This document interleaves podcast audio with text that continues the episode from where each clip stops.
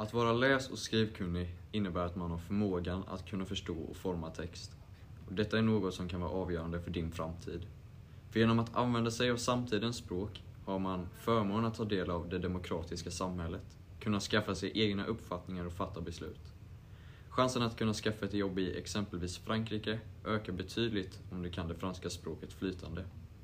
Chansen skulle kanske öka på hur du formulerar dig eller beroende på vilken dialekt eller brytning du använder dig av.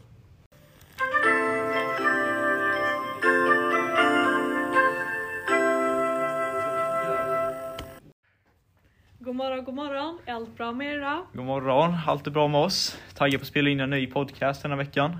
Ja, du lyssnar på Skuggan av språket med mig Matilda. Mig Elias. Och mig Joel. Dagens avsnitt så ska vi behandla språket kopplat till status. Vilka fördomar som finns gällande hur man pratar. Vi har utgått från en av era lyssnarfrågor i dagens podd som lyder Kan människor i min omgivning se mig annorlunda beroende på hur jag använder mig av språket? Skulle också vilja att just din fråga blir huvudämnet i vårt avsnitt. Det är bara att skicka till, eh, till oss på Instagram, direktmeddelande där vi heter Skuggan av språket. Vi människor placerar ständigt andra människor i fack. Skaffar oss omedvetet fördomar, dömer och sorterar. Enligt Lars Melins författare till boken Maktspråk är det 87% chans att man vid slumpig gissning lyckas pricka rätt på vilken klasstillhörighet personen i fråga har. Han skriver också i boken att språket är ungefär samma sak som makt. Han drar liknelsen att en ensamkommande flykting utan språkkunskaper inte har någon makt jämfört med en välutbildad med bra kunskaper i språk. Men eh, har det alltid varit viktigt att kunna språket? Liksom som i skrift för att visa sig stark? Eh, vi har fått en liten ljudhälsning från historieexperten Dick Harrison. Mm. Det var som så att redan under vikingarnas tid, 800 till 1125-talet, så fanns det en viss makt kopplad till kunna runskriften. Det dåvarande alfabetet som kallades för tacken och kom på 700-talet bestod av 16 tecken. Ganska olikt från dagens språk. Men runskriften och runtecknen blev så oerhört viktiga att om man kunde visa lojalitet på sitt rike eller hylla någon som dött. Genom att människor ville visa ett slags ruid genom att skriva krumelurer i sten har vi i dagens samhälle kunnat hämta fakta om vikingatiden. En annan tid vi annars inte hade haft så mycket vetskap om.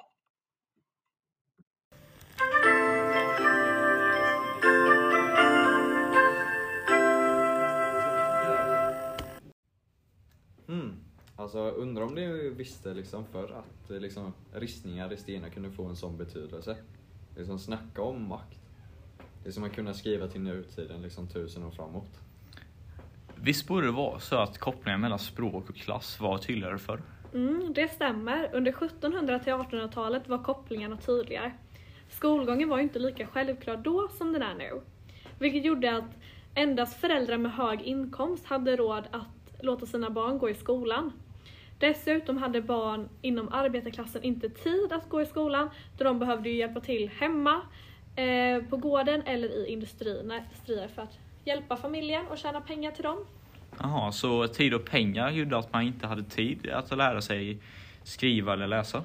Exakt, och detta blev som en ond cirkel eftersom de som var privilegier, privilegierade, jag kan inte säga det ordet, privilegierade att kunna utbilda sig och i sin tur kunna sätta sina barn i skolan och så vidare.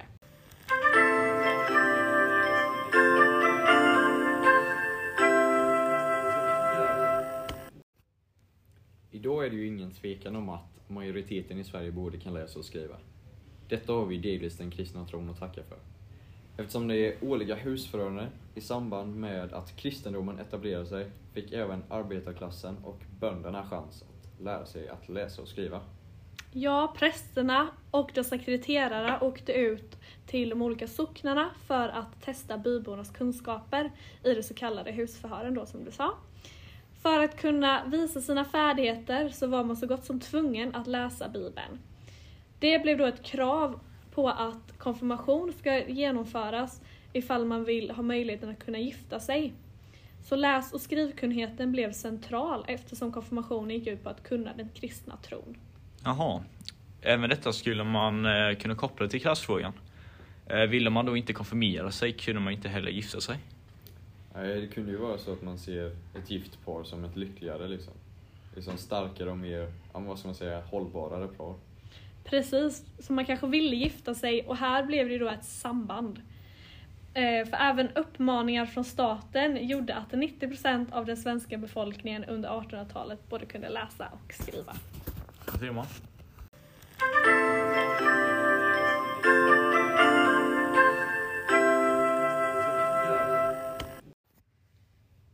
Arbetarklassen fick ju äntligen möjlighet att bli läs och skrivkunniga. Ja men Elias, eh, hur definierar man klassuppdelning relaterat till ens eh, språkkunskaper och eh, uttal? Jo, men man skulle ju kunna se det som att alla människor går runt med ryggsäckar, liksom ett bagage. Och det är då Bourdieu's kapitalteori som grundar sig i människors habitus. Då. Vänta, men vad menar du med habitus? Eh, jo, ett eh, habitus, det är med andra ord hur aktörer uppfattar dig. Liksom din livsstil, dina handlingar och dina ageranden. Eh, omgivningen formar dig till den du är och hur ditt habitus ska utvecklas. Eh, det kan ju exempelvis, exempelvis vara hur du påverkas av dina primära och sekundära agenter. Agenter? Ja, men alltså liksom föräldrar och vänner. Jaha.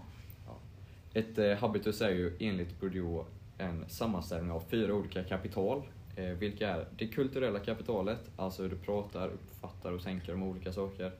Eh, det sociala kapitalet, med andra ord dina kontakter, släktingar, umgängeskrets. Eh, det ekonomiska kapitalet, inkluderande dina ägodelar, inkomster, men också utbildningar samt kunskaper. Och sen får du inte glömma det symboliska kapitalet. Precis.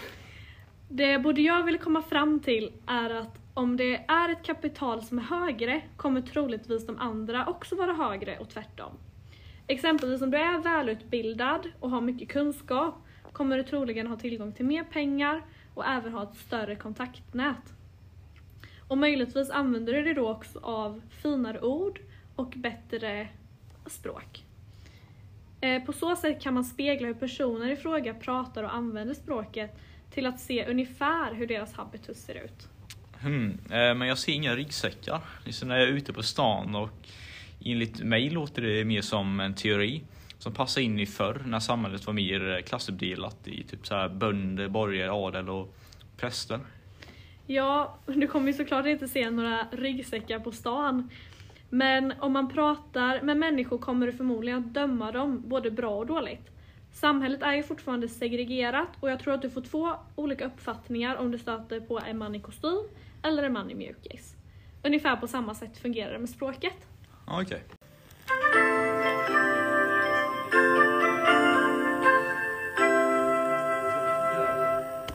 Okej hörni, så jag tänkte nu att vi skulle testa er lite. Så vi kommer att lyssna på tre personer och så ska ni få berätta vilka fördomar ni har om de här. Är ni med? Ja. ja. Det är precis som du sa, att vi hittar ingen lösning på problemet och då gäller det att man hittar en, eh, en eh, samarbetsförmåga sinsemellan va, som fungerar på ett bra sätt. För att nu som det är nu så står det väldigt stilla. Ja, alltså jag skulle säga som låter från, lite från Skåneregionen lite lite som någon från Sverigedemokraterna. Vem låter som? Ja, han är lite lik Jimmie Åkesson skulle jag väl ändå Just säga. Jimmy Åkesson från Skåne gissar vi. Men det, det har ju den liksom dialekten. Liksom man, man får ju intrycket av att de kanske är lite lågutbildad. Liksom. Ja, Ja. det är så. Personen kommer ju från Malmö då. Man vet rätt. Ja, och det är en medelålders man men han är inte sverigedemokrat. Ah, Slitet. Jag var ju på Summerburst igår och det är ju fruktansvärt jobbigt alltså, att eh, höra folk med så mycket dialekter på gatan och på krogar och alltså, inne på festivalen också. Det är bönder vart man än går. Alltså, det är fruktansvärt. Ja, men alltså första intrycket är ju liksom en så här Sture P-lirare. Så här lite kränkande översittare typ liksom. ja, det är som från eh, Stockholm. Självklart hör man ju han. Det är just som han har lite fördomar på andra folk. Så vi ser en, Så att eh, stockholmare har fördomar. ja, flötig eh, stockholmare gissar vi på. Ja, man skulle kunna tro liksom att han är typ lågutbildad men liksom har ett bra jobb liksom. Ja. Ja, stockholmare, det stämmer. och han är faktiskt välutbildad. Där ser man. Vi har ju försökt väldigt länge att byta strategi i vår verksamhet men det är svårt. Eh, Det tar sin lilla tid och eh, man måste vara väl förberedd när det ska göras. Så att vi får ta det som det kommer. Ja, jag skulle då gissa på en eh, skugghuggare uppe i norr eh, med en riktig snösläpp och ja, en epa. Ja, men man tänker det liksom eh, en skoter och eh, flanellskjorta liksom. Ja. Han är från Luleå är han där ser man. och han jobbar faktiskt på en pappersindustri. Okej. Ja det där gick ju ganska bra för er, så dåliga var ni inte. Nej, det är inte. Och som ni förstår så får man väldigt lätt fördomar för hur folk pratar och för vilket, vilken dialekt de använder sig av. Jajamän. Yes!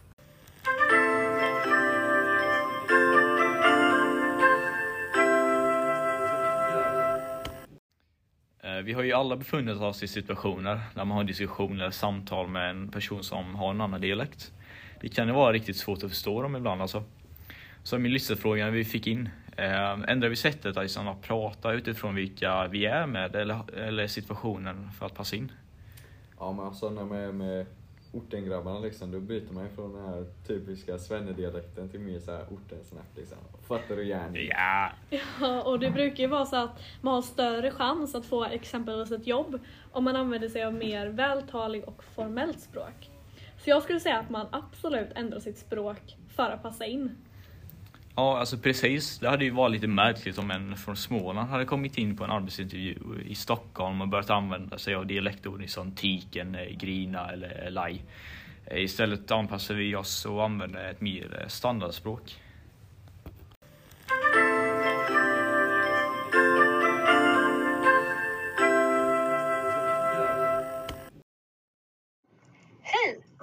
Sökte det här jobbet hos oss. Vi skulle kunna börja arbetsintervjun med att du berättar lite om dig själv. Hmm, jag ska grunna lite utan att grina. Jag är i alla fall inte töjken eller kåtig, utan är en redig pöjk som söker detta jobb för att tjäna lite rummelpengar. Ah, nu börjar jag bli lite rösen.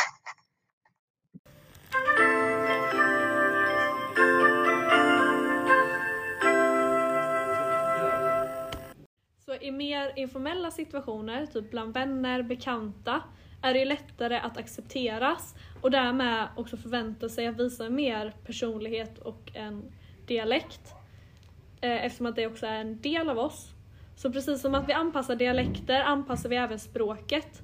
Jag brukar i alla fall inte använda mig av samma språk när jag pratar med min mormor som när jag pratar med mina kompisar. Jag vet inte hur det är med er. Nej, alltså inte jag heller alltså. Eh, pratar jag med mina gamla släktingar använder jag inte slang eh, i sånt som typ VGD. vigere, ja. Ja men om vi går tillbaka lite eh, så kan man ju koppla kapitalteorin då eh, till dagens samhälle. Eh, så man kan ju se skillnader i språk beroende på klass, men inte lika tydligt som det en gång var då. Eh, som sagt är vi i Sverige inte lika klassmedvetna som vi var en gång.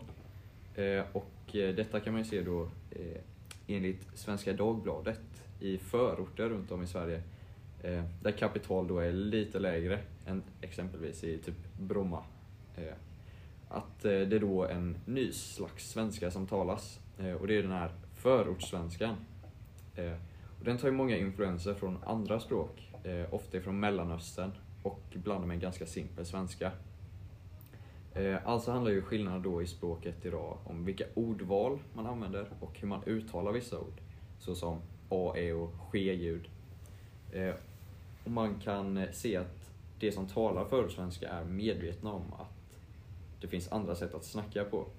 Eh, och kan då liksom byta mellan beroende på vilken situation man befinner sig i. Liksom om det är med sina grabbar eller om de är på en arbetsintervju som innan. Liksom. Jaha, intressant. Så utifrån det vi pratat om här idag så upplever jag att ens uttal och dialekt har en större påverkan på en status förr i tiden om man jämför med idag. Samtidigt så tror jag att vi tror detta är en slags undermedvetenhet där vi ändå kopplar språket till status trots att vi lever i 2021 där vi egentligen inte borde ha så mycket fördomar. Precis. Varför skulle det annars liksom vara enklare för en med stor ryggsäck, alltså ett högt habitus, att få ett jobb än någon med mindre habitus? allt beror ju liksom på normer och ideal som sitter kvar sedan länge. Ja. Ja, tack för att ni har lyssnat på ännu ett avsnitt av Skuggan av språket. Vi hörs igen nästa vecka. Hej då! Hej då!